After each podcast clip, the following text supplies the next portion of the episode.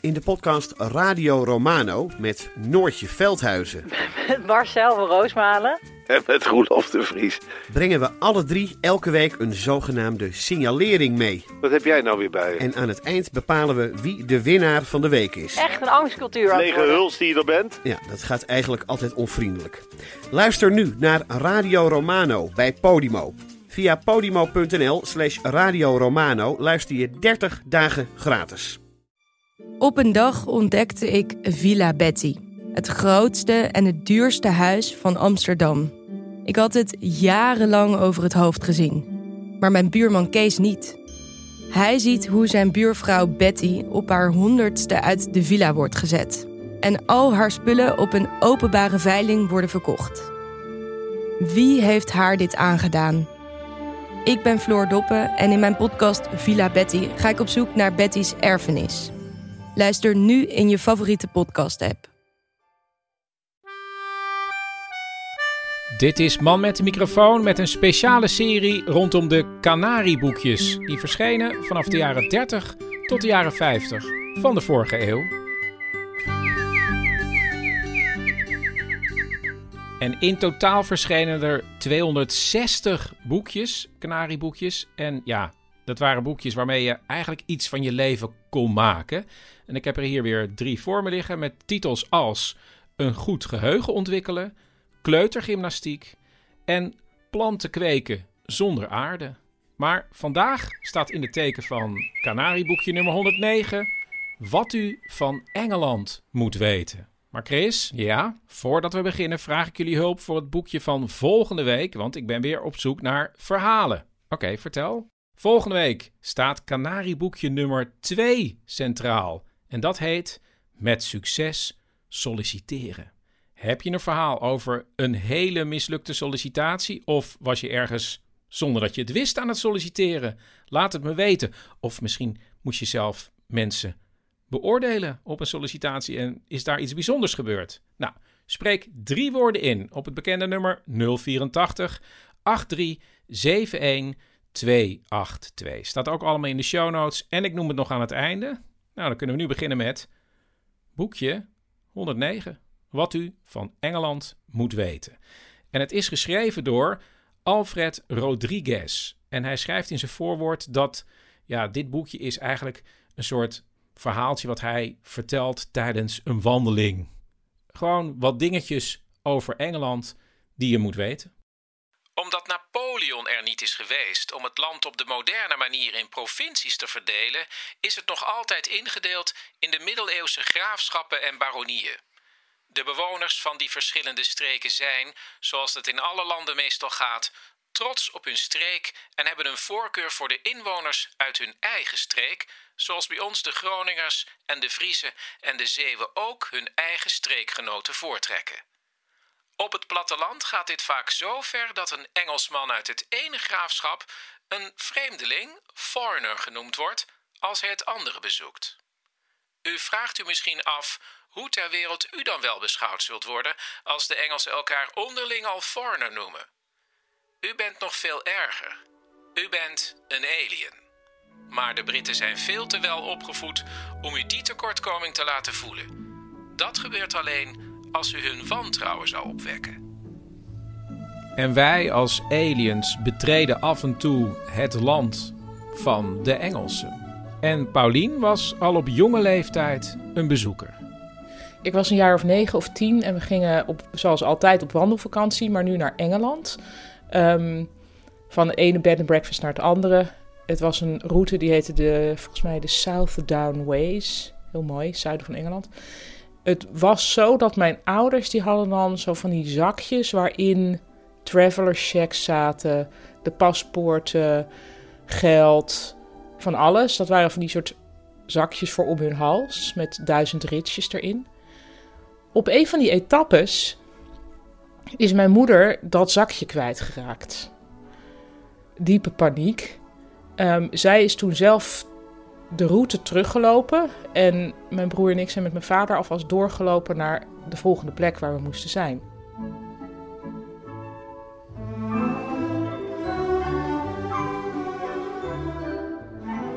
Na een hele tijd kwam mijn moeder eh, terug die zei: ja, nee, ik heb het niet gevonden. En dat was wel, dacht ik, ik raakte toen, ik was een beetje te klein om te begrijpen dat het niet echt een probleem was. Want ik dacht, als we geen paspoorten hebben, dan kunnen we hier dus nooit meer weg. En uh, Engeland is wel leuk, maar ik wil toch uiteindelijk ook, zou ik graag wel weer naar huis ook willen, ook in verband met de kat. We gingen naar de uh, politie. De politie belde toen, als ik het me goed herinner, naar een ander dorp op die route. En toen zeiden ze, ja, het is gevonden. En wij voelden, oh nou, Gloria en Hosanna, het is gevonden. Toen is mijn moeder volgens mij wederom naar dat andere politiebureau gegaan en heeft dat tasje opgehaald. En we hadden al van tevoren gezegd, luister, het geld is eruit, natuurlijk. Maar weet je, als we de paspoorten hebben, ik, ook helemaal, ik herinner me dat ik heb gehuild van opluchting. Dat we dus toch wel naar huis zouden kunnen uiteindelijk. Mijn moeder komt uiteindelijk terug met dat zakje. En lo and behold, het geld zat er ook gewoon nog in. Mijn ouders zo van ja, dit is dus het verschil tussen Engeland en Nederland. In Nederland zou dat geld er natuurlijk al lang uit zijn gejat. Dit is toch, ja, die betere opvoeding van de Engelsen. Die laten dat geld erin zitten, die brengen het naar de politie. Wauw, wat een land. Mijn moeder wilde degene die het had gevonden natuurlijk heel graag bedanken, belonen, etc. Nog een keer opgebeld naar de politie van wie heeft dat nou ingeleverd. Nou, dat wisten ze niet precies, behalve dat het een Nederlandse toerist was geweest.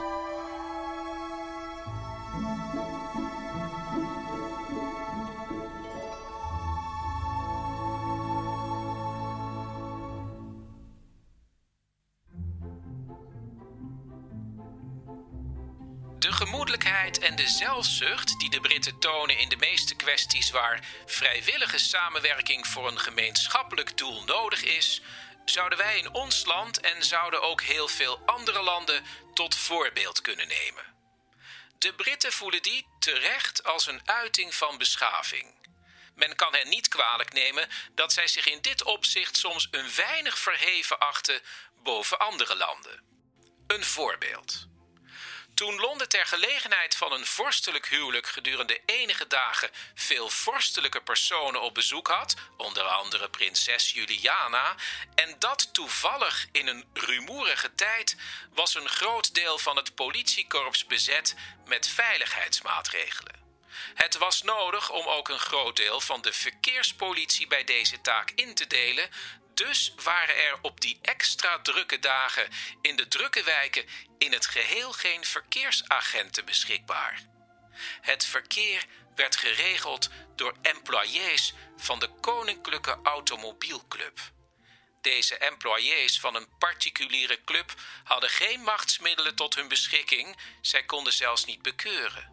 Toch dacht niemand eraan om zich aan hun aanwijzingen te onttrekken.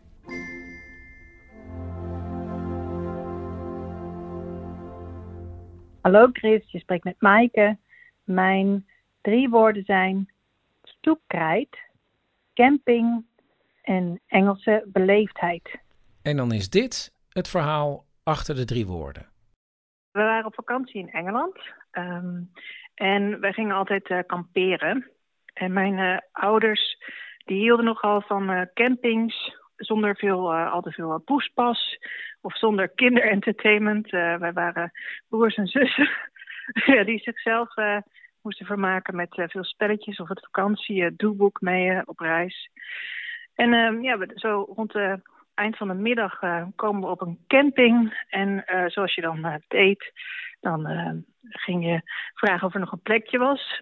Mijn vader die spreekt de camping-eigenaar aan en uh, de camping-eigenaar kijkt zo naar het gezin en hij zegt: This is not a campsite for children. Oh, there's nothing much to do for children here. Er is niet zoveel voor kinderen hier. Ach, zeiden mijn ouders tegen elkaar, dat maakt niet zo uit, want we houden daar wel van als het rustig is. En uh, nou, we zien een beekje en uh, de kinderen weten zich wel te vermaken. Dus nou, met een soort van gedoogde blik. Nou, oké, okay, maar, we gingen het proberen. Ze gingen het proberen. Hou dat even vast. We gaan zo verder met het verhaal van Maaike. Maar het uh, vreemde is, er belde nog iemand in met een campingverhaal. En dat was José. En José was een tijd geleden met haar man en haar dochter een lange fietstocht aan het maken in Engeland. En nou ja, José. Toen hadden we die dag al 50 eh, kilometer gefietst. Dus we wilden naar een camping. Waar is hier een camping? Ja, oh, dat bleek ook nog 10 kilometer te zijn. Mijn dochtertje was 10. Dus uh, die had er al een heleboel uh, met bagage in de benen zitten ook. Ja, was een stoere meid hoor. En uh, toen kwamen we bij de camping. Ha, fijn, ha, de camping. Een hele ontzettend stereotype Engelse dame die, die zei, nou welkom en zo. En wij willen kamperen. En toen zag ze onze dochter. Toen zei ze, oh, I'm sorry, it's only for adults and horses. Nou, ik begreep het helemaal niet. Ik dacht, zei wat? No, no children. Ik zei, nou mevrouw, dit kan toch niet? Dit is gewoon een kind van tien. Ze is heel rustig, bovendien is ze zo moe, die slaapt dadelijk. No, only adults and horses. I'm sorry. Ik werd zo boos, zo boos. Ik zei, I'm sorry, I'm sorry, I don't believe you're sorry. Ze stappen boos en teleurgesteld op de fiets en gaan dan maar kijken waar ze iets kunnen gaan eten. Toen uh, kwamen we bij een pub. Er was een uh, mevrouw die ons hielp en wij vertellen wat ons was overkomen. En toen uh, zij ging de bestelling opnemen en kwam terug. En toen zei ze, weet je wat, je, het huis van de basis hier aan de overkant, ik heb even overlegd. gaan jullie maar lekker in de tuin staan met de tent. En nou, het raakt me zeg. Het was zo lief. En waarom raakt het je zo, José? Nou, ik vond het ontroerend dat ze dat dan. Ik, ik weet nog hoe blij wij toen waren. Echt dat we dachten: oh ja, dit is weer Engeland. Zo, de vriendelijkheid en de. Ja. Nou, bovendien ben ik heel snel geraakt. Hoor. Als ik dan weer in zo'n verhaal ga zitten, denk ik: oh ja, oh, wat was dat fijn dat het weer goed kwam. Maar ja, hoe liep het verder bij Maaike en haar familie? Die mochten hun tent opzetten op de camping. En omdat Maaike al 12 jaar was, mocht ze samen met haar vader die avond naar een echte Engelse pub. Ja, mijn broertje en zusje, die een stuk jonger waren dan ik, eh, die bleven bij mijn moeder thuis. Uh, of op de camping. En um, die hadden een uh, stoepkrijt meegenomen. We hadden natuurlijk heel veel entertainment zelf meegenomen. Dus mijn broertje die, die had een speurtocht voor ons gemaakt op de zeer nette asfaltwegen op, de, op de camping. Tja, het was al donker toen we thuis kwamen, dus die was voor de volgende dag. Dus um, een nieuwe dag breekt aan op de camping en mijn vader die is in het toilethok bij de urinoirs. En komt opeens de camping-eigenaar uh, in zijn hokje. En zegt op de meest beleefde toon... I would like you to leave. Pardon, eh, kunnen we dit niet uh, buiten doen? No, no, I have to discuss this now. I would like you to leave. Mijn vader begreep het niet helemaal. Moet ik nu het, hokje uit? Nee, we moesten van de camping af, want het was geen camping voor kinderen. Laat staan waar het toegestaan is om op de straat speurtocht te maken met de stoepkrijt. Ja, kom op, zegt dit kan toch nog wel. Dus het zijn kinderen. Nou, I would like you to leave. En uh, ja, toen hebben mijn ouders ook besloten om weg te gaan. En toen werd het eigenlijk nog een tikkeltje sneuwer. Want mijn broertje van vijf uh, stond uh, in zijn pyjamaatje te kijken... hoe dezezelfde eigenaar met de hoge drugslang... zijn tekeningen en zijn speurtocht aan het wegvagen was.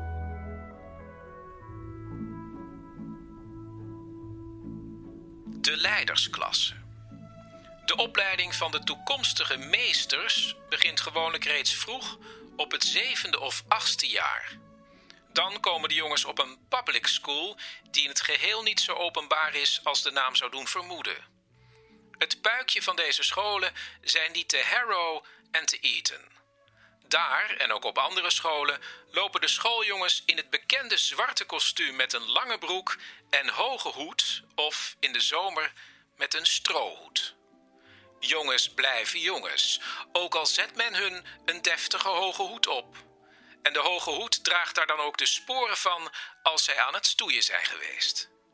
Maar reeds op zo'n jonge leeftijd nemen zij toch één voorzorg om hun herenhoofddeksel te beschermen. En die is een paraplu tegen de regen. Van jongs af lopen deze leerlingen dus met een paraplu over hun arm gehaakt als er maar even kans op regen is. Dat is in het Engelse klimaat dus bijna iedere dag. Naarmate zij ouder worden, wordt de paraplu netter opgerold. Als zij eindelijk in de maatschappij komen, gebruiken ze die keurige paraplu, zoals een humorist het uitdrukte, alleen nog maar om een taxi te wenken als het gaat regenen. Alle oud-leerlingen van scholen zoals die te Eton en te Harrow, die later op de universiteiten van Oxford en Cambridge komen, behouden hun leven lang de paraplu als een onmisbaar onderdeel van hun wandeltoilet. En iedereen in Engeland, ook vreemdelingen, die wel graag de indruk zou maken dat hij een public schoolman is, of althans tot die klasse behoort, loopt ook met een paraplu.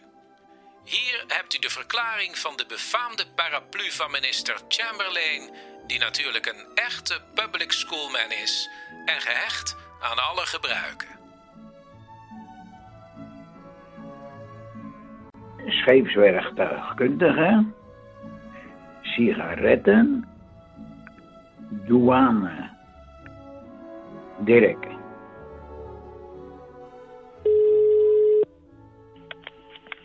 Met Dirk. Hey Dirk, met Chris. Hoe is die? Ja, is goed. Hoe is het met jou? Nou, lekker zitten luisteren naar je gisteren. Ja, heel goed. Dus zodoende wist ik eh, dat je weer iets had. Dirk is een tijdje zeeman geweest. En daar gaat dit verhaal over. Uh, nou, ik kom uit een... Uh, mijn opa was ook een uh, zeeman. Want ik kom uit Vlaardingen, dat is officieel. En dat is in Haringstad. En al die verhalen van mijn opa, ja, die maakten het natuurlijk spannend. Mijn opa vertelde natuurlijk hoe dat ging op zijn zeiljacht. Uh, zijn zeilloggen vastgebonden aan het roer, want hij was stuurman. Dus dan uh, stond je met die helmstok in je handen. Tenminste, dat vertelde mijn opa. Zonder gevaar was dat vissen niet. Maar ja, Dirk wilde de zee op. Dus toen hij 16 was, dacht hij, nu kan het. Dus ik uh, me aangemeld. Mijn vader zei, je gaat helemaal nooit varen. Echt niet, je gaat niet varen. Vreselijk veel ruzie over gehad, voordat ik eindelijk toestemming kreeg om te gaan varen. Dirk werd met zijn technische opleiding aangenomen bij een bedrijf en hij meldde zich op een goede dag bij een boot. En ja hoor, ik, uh, moest dus, ik ging dus de machinekamer in, want daar had ik uh, voor, voor gestudeerd. Nou, verschrikkelijk. Toen uh, je lucht alleen al van de oliedamp, daar werd ik al bijna kotsmisselijk van. Ik dacht, oh, moet ik hier zitten? Alles was klein en diep. Hè? Van boven keek je helemaal zo naar beneden. Dus. Maar goed, ik werd verwelkomd door de eerste machinist en door de tweede. Dus uh, we vertrokken uit uh, Rotterdam. Maar midden op zee, drie mijl uit de kust, uh, kun je bier kopen, je kan sigaretten kopen, je kan alles kopen. Die jongens hadden mij verteld, neem nou maar sigaretten, want dan, dan kun je daar wat aan verdienen hè, in Engeland. Dus ik had ook twee sloffen sigaretten gekocht. Zijn collega's vertelden wat het gangbare ritueel was als ze in Engeland zouden aanmeren. Als de douane weg was, stonden ze een kwartier later stonden gewone mensen aan boord van... Uh, heb je nog sigaretten? Heb je nog sigaretten? Want die, die, die Engelse sigaretten die, die waren dik aan de prijs. De sigaretten zouden kunnen zorgen voor een extra zakcentje. Maar Dirk vond sowieso dat dat zeeleven best goed betaald werd. Als je dan kijkt wat je in de maand verdiende, dan was denk ik uh, 150, 200 uh, gulden. Want je had ook nog gratis kosten inwoning, hè? Dirk verdiende en hoefde bijna niks uit te geven. Ja, want uh, toen ik uh, stopte met varen, had, had gelukkig mijn moeder alles netjes gespaard. Hè, maar waar ging dat, terwijl je bezig was, waar ging dat geld dan precies heen? Twee derde ging denk ik naar mijn vader en moeder. En een derde kreeg ik. Tenminste, de kapitein had dat. En als je geld op wou nemen, hè, dat moest je dan bij de kapitein doen. Dus als je een tientje wou om de wal op te gaan, dan moest je wel aan die kapitein vragen. Kun je me een pond geven of twee pond? Net wat je wilde hebben. Je kon natuurlijk geld vragen aan de kapitein, maar je kon ook een handeltje beginnen. Dus dan hoefde je ook niet zoveel te vragen, hè? dan had je het alvast. Dus de aanschaf van twee sloffen sigaretten op de eerste werkdag was een goed idee. Maar zijn collega's waarschuwden hem wel. Denk erom, je moet die dingen wel verstoppen, hè? want je mag uh, niet zoveel sigaretten hebben. Ja, dacht ik dan maar, hoe, uh, waar moet ik dat laten? Hè? Hij vindt een goede plek in de machinekamer. Oh, hier zit een uh, filter, dan, daar kan ik hem wel in doen. Maar dan moest ik eerst een kraantje dichtdraaien en dan dat filter leegzetten. En daar ging dan die slof sigaretten in en dat was één. Maar ik had er twee. Dus ik moest er ook nog één en we hadden een werkplaatsje. En daar had ik er één in een uh, soort uh, een, een warmhoutplaat. Die ik had ik opengeschroefd en daar had ik ook een slof in gedaan. Nou, we kwamen in Engeland aan en... Uh, nou, dan komt er zo'n hele horde van die uh, douane aan boord. Met spiegeltjes en uh, breekijzertjes en... En er waren jongens bij, ik, had ik gehoord, die deden het in het plafond. Schroeven losmaken en dan gingen ze dat weer gauw verven. Daarna weer gelijk verven. Hè, dat je niet kon zien dat het open was geweest. Maar ineens ging zo'n, uh, hoe heet dat, zo'n uh, douane de machinekamer in. Ik denk, oh jee. De douanier loopt door de ruimte, ziet het filter en pakt zijn gereedschap. En uh, nou, dan was hij die aan het losgroeven. En ja, ik, toen zag ik hem dat hij die slop sigaretten in zijn handen had. Nou, toen dacht ik, dan ga je door de grond. Want dan denk je bij je oh jee, straks de boot, boot aan de ketting en jij in de bak. En ja. De douanier maakt het filter open en? En ik zie hem nog zo die slof pakken. Hem onder zijn jasje doen en hij ging verder. Hij ging weer naar boven. En hij ging, maar de hutten waren, was achteraan dat werkplaatsje, daar ging hij ook naartoe. De douanier is een tijdje weg. En daar kwam hij ook vandaan. En hij, uh, ik hoorde hem zeggen tegen de stuurman, nou, uh, niks gevonden hoor. Niks gevonden. Maar ik zag de man uh, de loopplank aflopen fluitend zo van. En weg waren mijn sloffen sigaretten.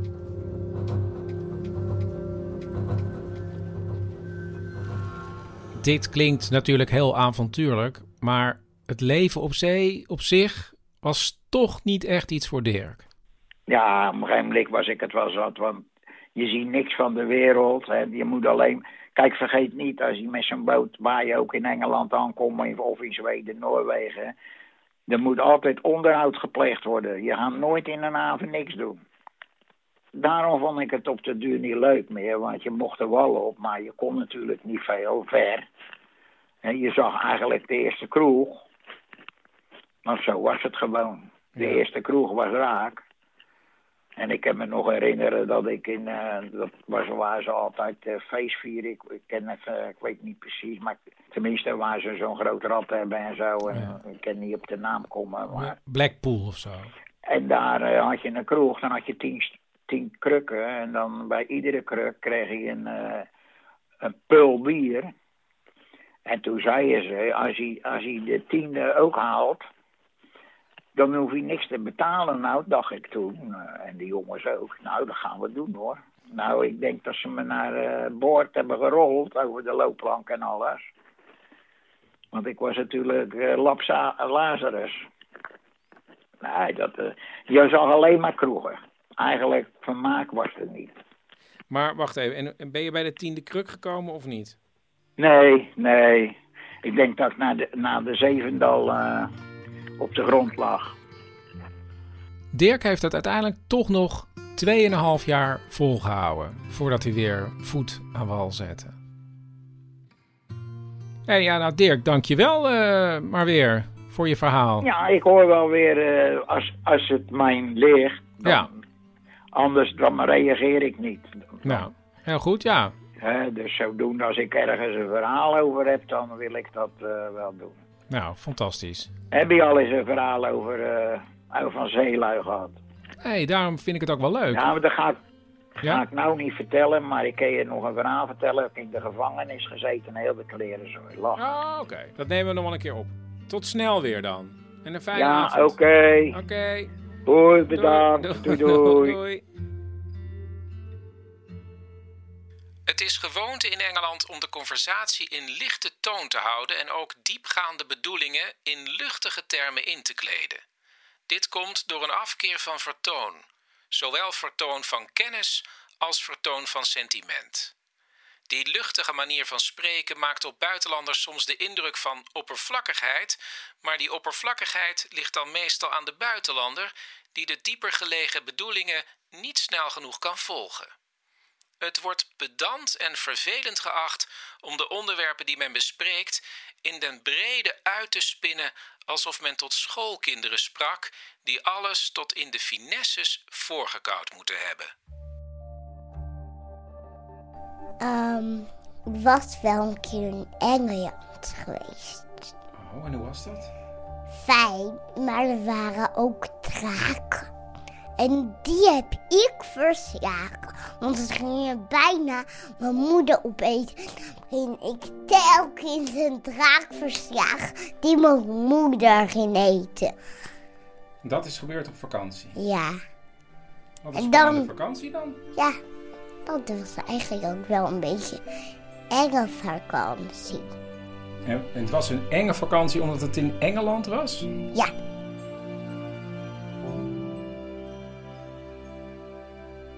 Nou, wie ik het weetje van Engeland, dat is nu bijna 2,5 jaar geleden. Ja.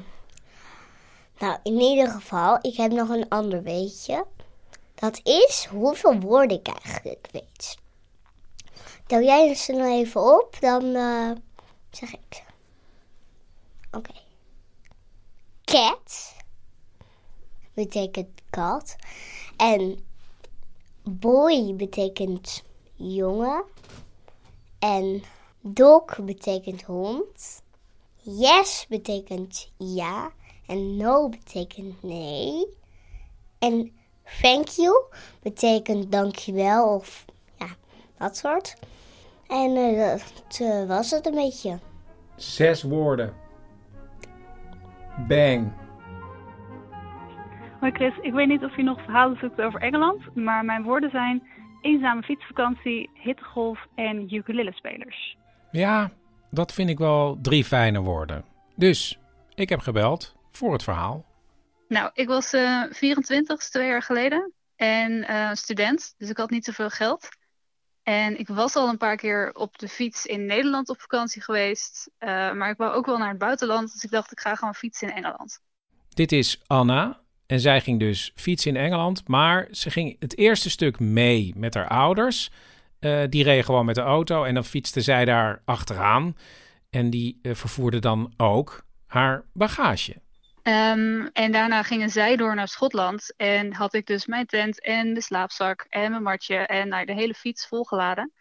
Uh, en ik fietste langs de kust. En dat valt ook nog wel mee qua heuvels. Dus dat was eigenlijk wel leuk. Dus de eerste twee dagen kwam ik ook nog andere fietsers tegen. Um, en dat ging, uh, ging prima. En het weer was een beetje ja, regenachtig Engels weer. Dus dat is voor fietsen ook heerlijk. Uh, en toen het wat warmer werd, dacht ik, dan ga ik nu een stukje het land in en dan fiets ik weer terug. Want ik moest ook weer naar de haven om weer naar Nederland te komen. Dus ze fietste het binnenland in op zoek naar een plek om te overnachten. En toen stond ik op een camping met allemaal kinderen. En dat is niet echt leuk als je in je eentje bent. Want druk? Ja, ze, komen, ze hebben ook geen besef van um, ruimte die bij iemand anders hoort. Dus ze lopen echt heel erg door jouw ruimte heen. Terwijl ik kom uit een gezin met vier kinderen. Dus ik was ook niks anders gewend dan de campings met heel veel kinderen. Want ja, we waren al met veel kinderen. Ik had ook niet gedacht dat ik het vervelend zou vinden. Maar ik vond het wel echt vervelend. Dus fietst Anna de volgende dag weer door naar een nieuwe camping. En hoe zag die eruit? Uh, toen weer kwam, was het een grasveld met een paar ja, uh, bomen erop. En dat was de camping. Uh, wat op zich prima is. En de eerste dag was het ook wel fijn, maar er was ook niemand verder te zien. Um, dus toen dacht ik, nou, de dag daarna, ik doe gewoon niks. Ik blijf gewoon hier de hele dag zitten. maar dan zit je de hele dag in de hitte in je eentje op een grasveld op een camping waar niemand is. En toen kreeg ze toch wel twijfels over haar vakantie. Ik weet dat ik, toen ik op dat grasveld in mijn eentje zat en me helemaal ellendig voelde, toen dacht ik, al naar de volgende keer als je een plan maakt om in je eentje zoiets te gaan doen, denk dan terug aan dit moment en doe het niet. Anna stapt de volgende dag weer op de fiets, rijdt een stuk en komt dan terecht op een boerencamping. En daar zet ze weer haar teentje op. Uh, en toen ik daar een uur zat, uh, toen kwam er een man naast mij staan. En die man die kon echt niet met zijn tent overweg. Uh, en wij gingen vroeger altijd kamperen, dus ik kan echt heel goed tenten opzetten. Ik ben ook best wel technisch, ik ben leraar natuurkunde. Dus die man die stond daar een beetje moeizaam te doen met zijn tent. Dus ik dacht, ik wees aardig en ik ben een beetje eenzaam, dus ik wil met iemand praten. Uh, dus ik ging hem helpen om zijn tent op te zetten. Toen bleek dus dat die man hoorde bij een groep mensen die vroeger, ja, het verhaal is dat er vroeger een soort festival was voor mensen die ukulele spelen. En dat festival was al vrij snel opgeheven, maar die mensen die bleven gewoon komen. Dus ieder jaar op die camping kwamen ze dan bij elkaar om een weekend lang ukulele te spelen. En wat je nu hoort, zijn opnames die Anna toen met haar telefoon gemaakt heeft. Oké, one, two, one, two, three, four. Maar dat waren 10, 15 mensen, ja, vooral mannen van 50 tot 70. Volgens mij was de oudste 75. En omdat ik die man had geholpen met het opzetten van zijn tent, had hij mij uitgenodigd voor het avondeten. En al die mensen die hadden nou, jarenlang verhalen over ukuleles. En die waren heel erg blij dat er iemand was waaraan ze al die verhalen weer konden vertellen. Dus die namen mij gewoon twee dagen mee. ik heb twee dagen met een groep mensen die echt ja, ook de hele dag met ukuleles rondliepen. En allemaal een stuk of vijf ukuleles bij zich hadden. En, en eindeloos liedjes gingen spelen en zingen. En mij ukulele leerden spelen. Heb ik daar rondgetrokken. Anna vond het super fijn om weer aanspraak te hebben. En die mannen die namen haar mee op hun jaarlijkse muzikale route. Uh, en overal waar zij kwamen was ja, we zijn er weer. En het meisje op de fiets, de paarse fiets. Maar na twee dagen moest het Nederlandse meisje er weer vandoor. Ik had allemaal spullen gepakt. En zij stonden allemaal klaar in een soort poortje. Uh, dat ik er doorheen kon fietsen, zodat zij afscheid van mij konden nemen. Um, en terwijl ik dus wegfietste, gingen zij zingen voor mij. En ik fietste ook echt dat dorp uit. En ik kon nog steeds op de achtergrond hun gezang horen. Als een afscheid voor mij. Terwijl ik dus naar de haven fietste om weer terug te gaan naar Nederland. Hope you feel the same. Really want my name. Uiteindelijk was het die ellende ook wel waard. Dat is een beetje wat ik heb geleerd. Dus om zo'n rare, raar iets te doen, en zo'n groep te ontmoeten, ja, dan soms moet je dus een paar dagen volledig in je eentje, eenzaam, uh, in de hitte op een grasveldje zitten. Om dit te vinden. Ik denk dat ik dat heb geleerd. If I could be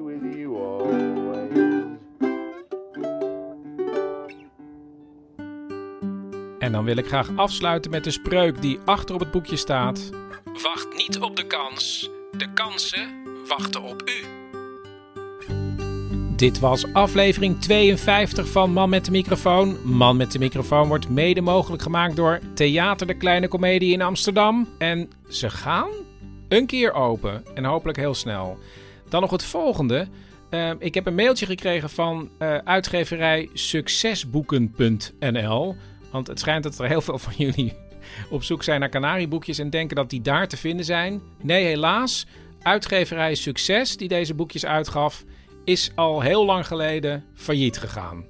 Dus ja, je moet ze proberen tweedehands op de kop te tikken. En ik zal binnenkort ook wel uh, een lijst geven met de boekjes die ik nog zoek, de nummers. Goed, voor volgende week heb je een verhaal over het boekje Met succes solliciteren. Bel drie woorden door naar 084 Tot volgende week. Wiek, we zijn op weg naar school. En je wil nog iets zeggen over de Engelse taal, namelijk? Wat mijn naam betekent in het Engels. Nou, als je gewoon Wiek zegt tegen een Engelse meneer van hij heet Wiek, dan ben je zei dat ik Week heet.